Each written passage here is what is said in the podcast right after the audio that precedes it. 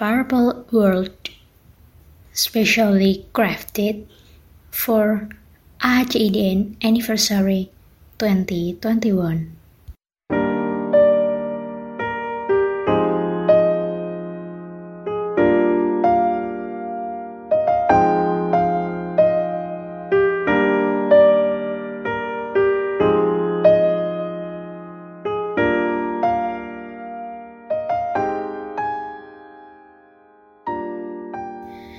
Dan Merah selalu mendengar satu cerita yang sama sebagai pengantar tidur. Tentang sebuah negeri yang disebut sebagai negeri ungu. Hal yang paling merah dan biru ingat dari negeri tersebut adalah penduduknya yang ramah.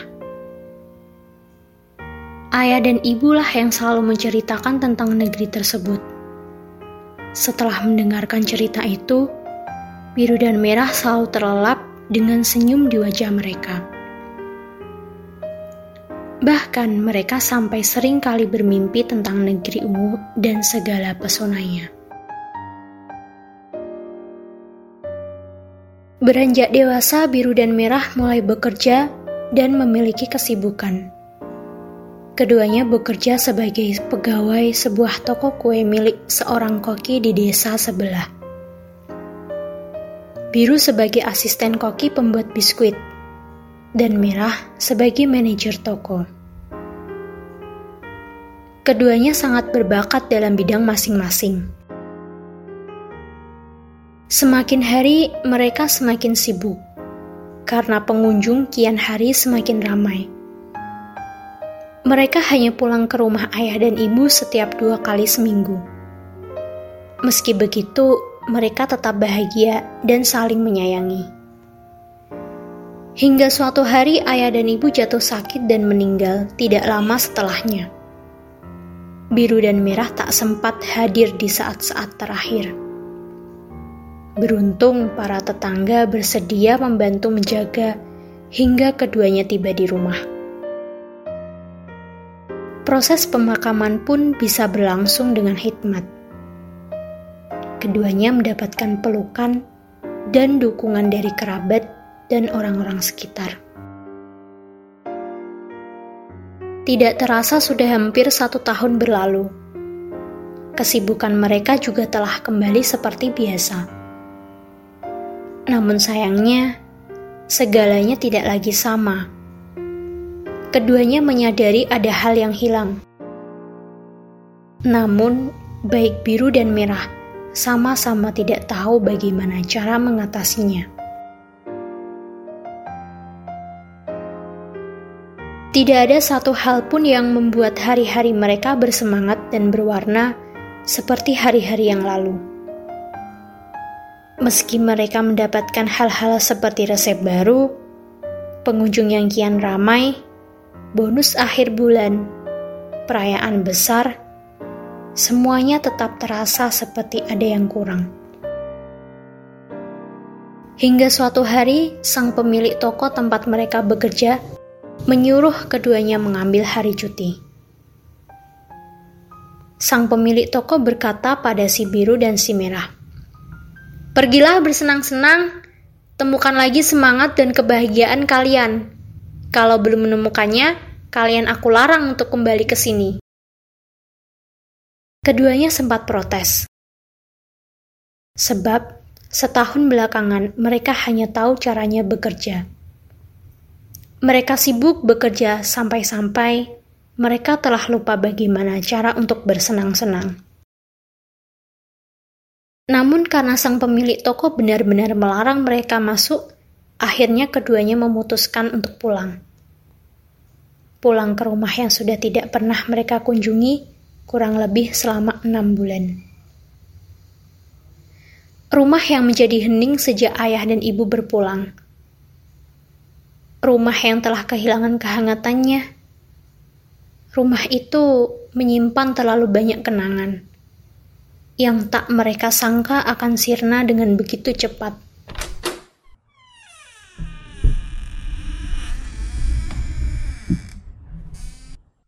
Nampaknya kita perlu bersih-bersih. Rumah ini mulai berdebu dan usang. Ucap biru kepada merah sesampainya mereka tiba di rumah. Kau benar, biru. Sepertinya kita pergi terlalu lama. Malam ini kita beristirahat sejenak, barulah besok kita mulai berbenah dan membereskan rumah ini. Kata Mira. Malam itu mereka lewati dengan makan malam berdua, dengan hidangan ala kadarnya. Lalu keduanya pergi tidur tanpa mengucapkan kata-kata. Terima kasih pada lelah dan perjalanan yang panjang. Mereka tertidur terlelap dengan segera. Esoknya mereka mulai berbenah dan setelah sarapan roti dan segelas susu namun berbenah rumah tidaklah sesederhana kelihatannya. Sebab setiap sudut rumah menyimpan memori masa kecil mereka bersama ayah dan ibu. Tidak mudah bagi keduanya untuk berfokus berbenah. Sesekali menyeka air mata. Ternyata, meskipun setahun telah berlalu, sedih itu masih membekas juga. Hei biru, kemarilah. Naiklah ke loteng. Ada sesuatu yang aku temukan. Panggil merah. Biru yang sedang bersih-bersih di kamar tengah lantai bawah langsung bergegas menuju loteng tempat merah memanggil. Saat ia tiba di sana, Biru mendapati merah sedang duduk di tengah kumpulan buku dan kertas yang berserakan. Merah tampak sedang memegang sebuah buku usang di tangannya. Ada apa, Merah? Apa yang kau temukan?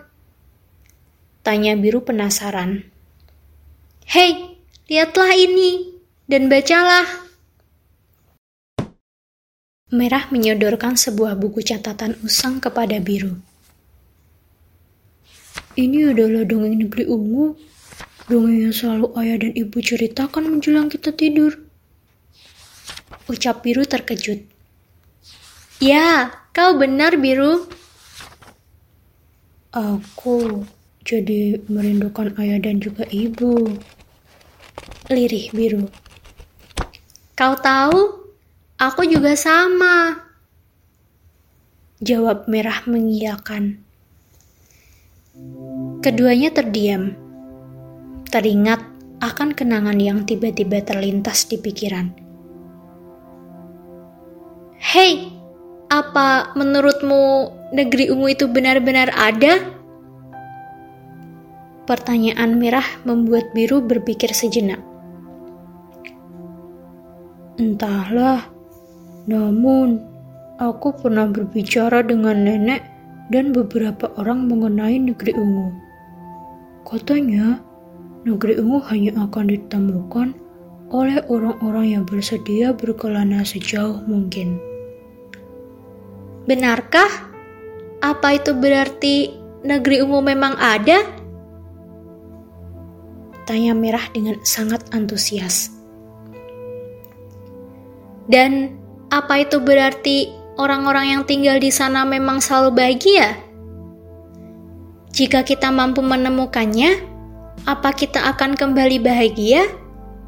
Apakah kita mampu bersenang-senang lagi? Pertanyaan si merah entah kenapa membuat biru terkejut. Ternyata keduanya merasakan hal yang sama. Keduanya berharap bisa bahagia. Namun ini adalah pertama kali mereka saling terbuka.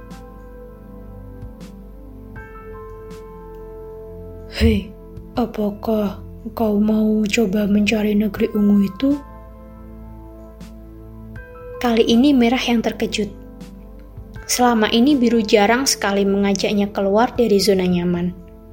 Selalu merahlah yang menjadi pencetus di setiap hal gila yang mereka lakukan. Bos kita memberi kita cuti untuk liburan. Aku yakin dia tidak akan mengizinkan kita kembali bekerja jika kita belum baik-baik saja.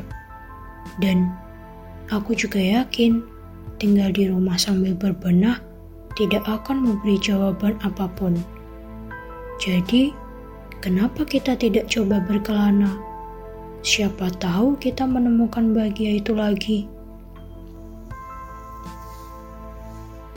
Untuk pertama kalinya, Merah merasakan seperti harapan berkat perkataan biru. Sinar mata biru yang bersemangat membuatnya juga ingin berharap dan menemukan negeri ungu itu. Setelah berpamitan kepada pemilik toko tempat mereka bekerja dan kepada kerabat dekat yang tinggal di desa, mereka pun mengemasi barang yang mereka butuhkan selama di perjalanan. Untuk pertama kalinya, mereka meninggalkan kota kelahiran untuk berkelana. Sayangnya, petualangan ini tidaklah mudah. Sama sekali tidak mudah. Banyak hal yang harus mereka pelajari. Contohnya, mereka harus belajar cara membaca peta, harus belajar cara menggunakan transportasi umum, harus belajar cara mencari penginapan murah, dan harus belajar bagaimana cara menjaga barang-barang mereka dari pencopet dan orang-orang jahat lainnya. Tiga bulan berlalu, dan mereka telah mengunjungi kurang lebih sebanyak 15 kota. Ada kota lampion yang tertidur di siang hari dan menjadi hingar-bingar di malam hari, ada juga kota kucing, yang jumlah kucingnya lebih banyak daripada jumlah manusia di sana. Mereka juga mengunjungi sebuah kota penghasil roti terbesar di negeri ini. Biru bahkan sempat belajar cara membuat kue tart tartlet di sana. Ada sedikit rasa senang yang hadir ketika Biru berhasil menyempurnakan resepnya namun tetap tidak cukup untuk menghangatkan dirinya. Mereka juga telah mengunjungi kota musik, di mana sepanjang hari akan terdengar alunan musik di setiap sudut kotanya. Musik riang untuk berdansa di pagi hari, musik klasik untuk menemanimu menikmati matahari terbenam, dan musik jazz untuk menikmati malam hari bersama orang-orang yang kita cintai. Masih banyak lagi kota yang telah dilewati dengan segala keunikan dan kisahnya masing-masing. Namun, tidak sekalipun mereka menemukan kota yang disebut sebagai kota umum. Tidak sekalipun juga mereka merasa benar-benar kembali bahagia. Aku ingin pulang. Aku lelah. Keluh biru. Aku juga. Tapi kita telah berkelana terlalu jauh untuk menyerah di tengah jalan. Kemudian si biru kembali menimpali. Tapi aku lelah. Kita bahkan tidak pernah benar-benar tahu di mana negeri yang dipenuhi kebahagiaan itu. Semua orang yang kita tanyakan selalu memberikan jawaban yang sama. Dengarkan kata hatimu. Namun sepertinya hatiku tidak ingin berbicara denganku. Sebab aku tak mendengar apa pun. Aku bahkan tidak merasakan apa pun. Segalanya hambar dan benar-benar melelahkan. Ucap biru dalam hati. Keduanya kembali terdiam. Mungkin raga mereka berada di satu tempat yang sama, tapi pikiran mereka berjalan menyusuri langkah masing-masing. Baiklah, Ayo kunjungi satu kota lagi, kemudian kita pulang. Apa pun hasilnya nanti, jika kamu masih ingin pulang setelahnya, maka kita akan pulang. Bagaimana? Ucap merah sebagai penawaran terakhir demi membujuk si biru. Ia tidak ingin pulang sendiri. Ia ingin bahagia bersama saudaranya. Baiklah, satu kota lagi. Itu harapan terakhir kita. Jika kita belum menemukan petunjuk menuju negeri ungu itu, kita akan pulang. Jawab biru tegas.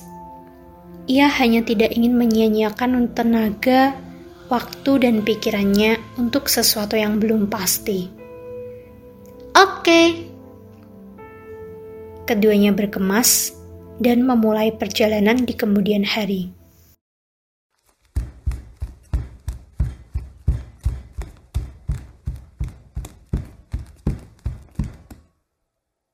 Kota apa ini? Mengapa hening sekali? Seperti tidak ada kehidupan? Tanya biru heran ketika baru saja tiba di kota yang menjadi tujuan terakhir mereka. Kau benar, ini seperti kota mati. Saut merah. Awalnya mereka berpikir seperti itu, namun ternyata mereka mendapati anak kecil yang bersembunyi di balik pintu dan jendela. Anak-anak itu sesekali mengintip karena penasaran dengan kehadiran orang asing di wilayah mereka. Biru dan merah terus berjalan sehingga mereka tiba di pusat kota dan kebingungan mencari penginapan. Beruntung wali kota kebetulan datang menghampiri dan menawarkan mereka sebuah tempat untuk bermalam.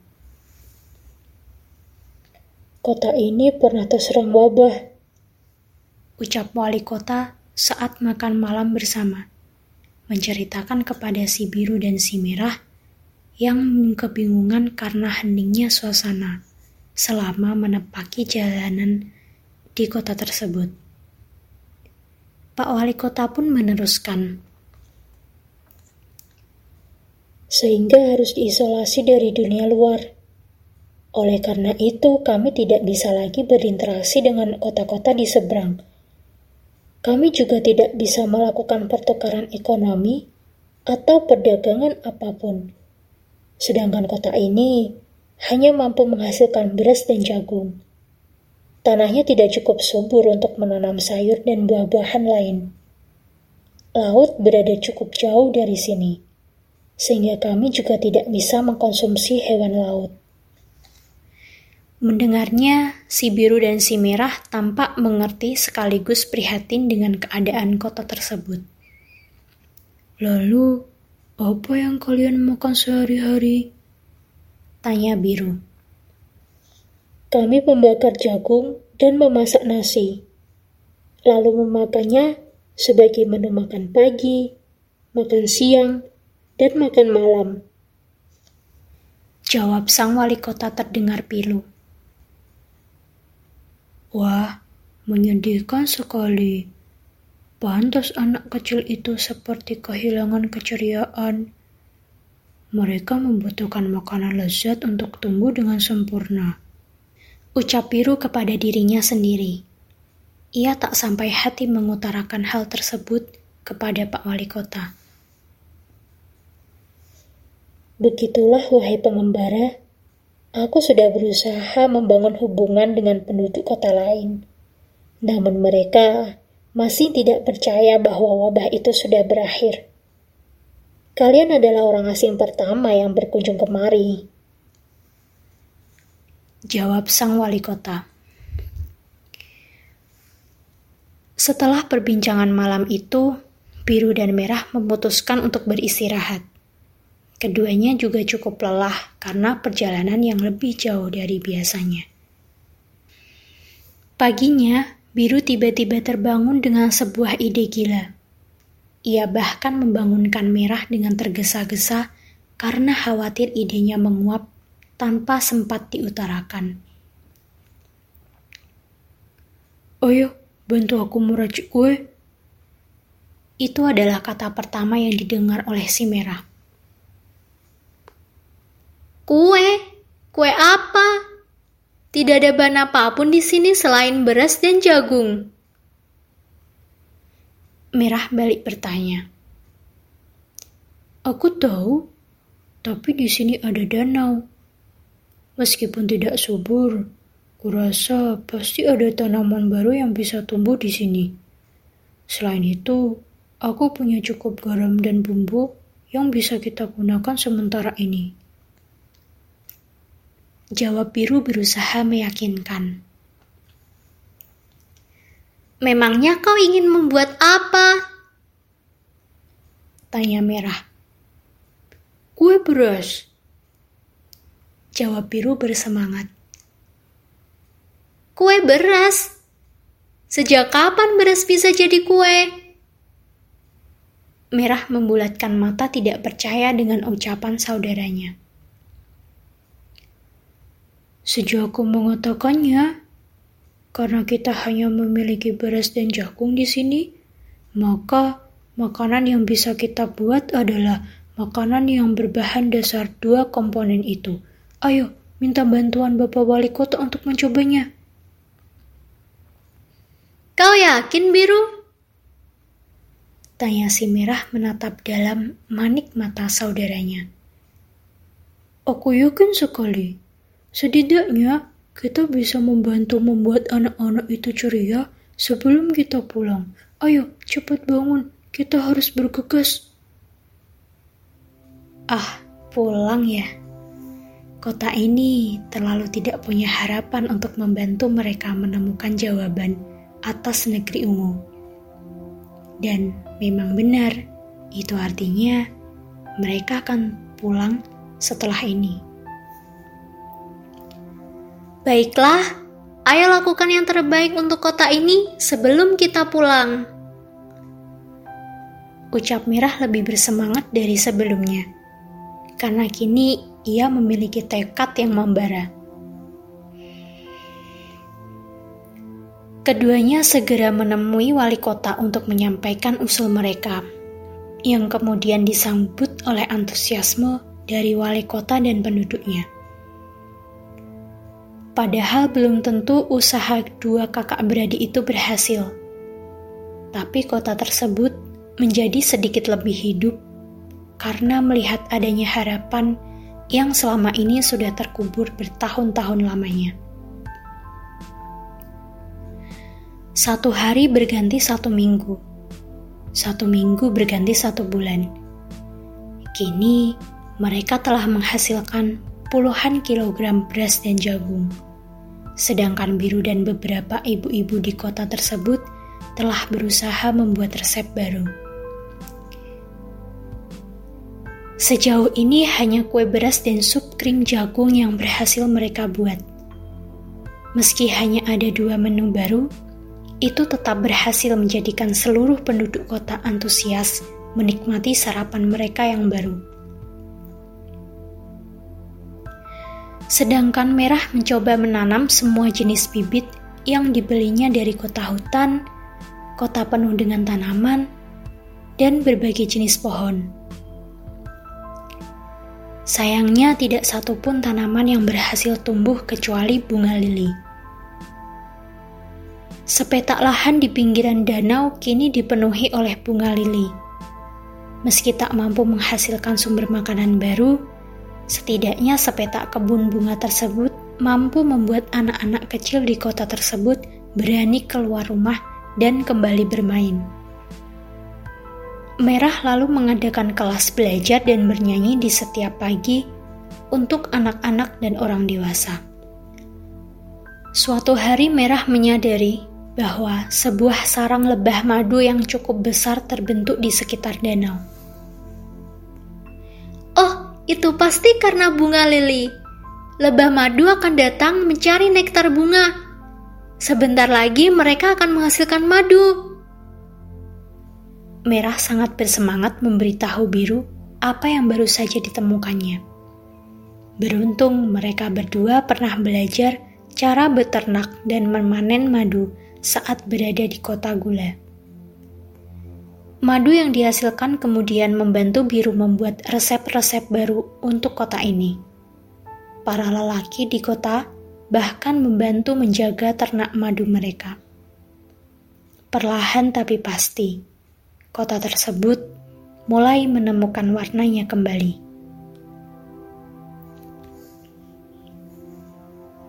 Bagaimana bisa kota ini tak memiliki nama? Tanya biru kepada sang wali kota. Ketiganya sedang duduk santai sambil menikmati tawa anak-anak bermain di dekat danau sore itu. Nampaknya sudah terlalu lama sejak kota ini dikenal, hingga kami lupa dengan namanya. Hmm, sedih sekali lirih biru. Oh iya, apakah Bapak Wali Kota tahu di mana negeri ungu berada? Tanya merah tiba-tiba. Negeri ungu? Aku tak pernah mendengarnya. Pak Wali Kota menyahut bingung.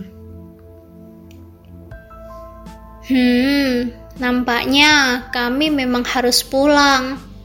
Tujuan kami berkelana adalah untuk mencari negeri ungu. Namun, kami tak menemukannya di mana pun.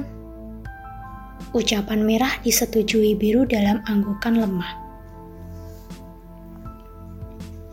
Kenapa kalian ini mencari negeri ungu? Tanya Pak Wali Kota. Karena kami ingin bahagia. Dalam dongeng yang selalu diceritakan oleh orang tua kami saat masih kecil, negeri ungu adalah negeri yang hanya berisi kebahagiaan. Maka dari itu kami ingin pergi ke sana. Jawab biru. Bahagia? Kenapa harus ke negeri ungu untuk bahagia? Sang wali kota semakin terheran-heran.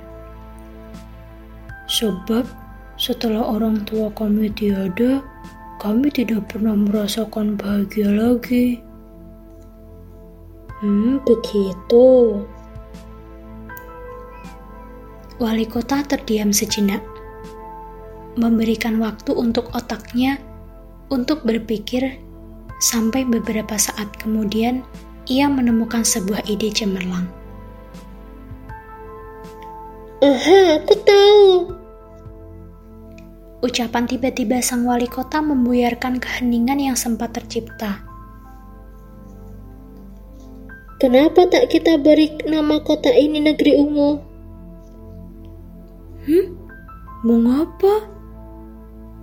Baik biru dan merah sama-sama terkejut. Iya, kita akan memberi nama kota ini negeri ungu.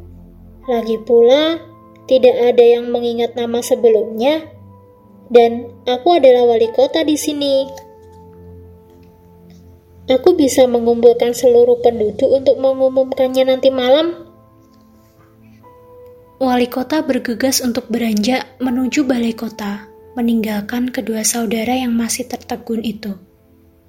Namun sang wali kota sempat berhenti di tengah jalan dan kembali kepada biru dan merah. Mendekatkan diri kepada keduanya dan berbisik. Tahukah kalian mengapa aku berpikiran untuk memberi nama kota ini dengan nama Negeri Ungu? Itu karena aku mengetahui bahwa warna biru jika dicampur dengan warna merah akan menciptakan warna ungu. Si merah dan biru tidak percaya dengan apa yang dikatakan sang wali kota. Sehingga Pak Wali Kota pun melanjutkan perkataannya. Mungkin kebahagiaan itu tidak ada di negeri ungu. Tapi dengan memadukan biru dan merah, kalian bisa menciptakan negeri ungu kalian sendiri.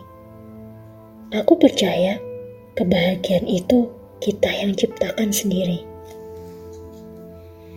Keduanya masih tertegun, berusaha mencerna apa yang dimaksud oleh wali kota. Melihat keduanya yang masih terdiam tanpa jawaban, Akhirnya Pak Wali Kota pun menjelaskan. Mungkin sejak awal negeri ungu memang tidak ada. Tapi selama biru dan merah bersama, maka akan selalu ada ungu yang tercipta. Akan selalu ada kebahagiaan sejati yang menyertai. Itulah yang orang tua kalian maksud dengan negeri ungu yang dipenuhi oleh kebahagiaan. Setelah itu merah dan biru menerima tepukan hangat di pundak, serta senyuman tulus dari sang wali kota sebelum ia beranjak pergi. Hal kecil itu rupanya membuat keduanya menjadi saling pandang. Segalanya masih tampak buram. Namun rasanya, biru dan merah mulai paham bahwa bahagia itu sebenarnya tidak di mana-mana tapi adanya dari dalam diri mereka sendiri. Merekalah yang mampu menciptakan bahagia mereka sendiri. Bahagia bukanlah dicari, tapi diciptakan oleh diri sendiri. Sejak saat itu, biru dan merah resmi menjadi penduduk negeri ungu. Tamat. Nah, sekarang bagaimana denganmu? Sudahkah kau menciptakan negeri ungu versimu sendiri? Jangan lupa nanti ceritakan ke kita ya. Aku tunggu ceritamu. Terima kasih. See you.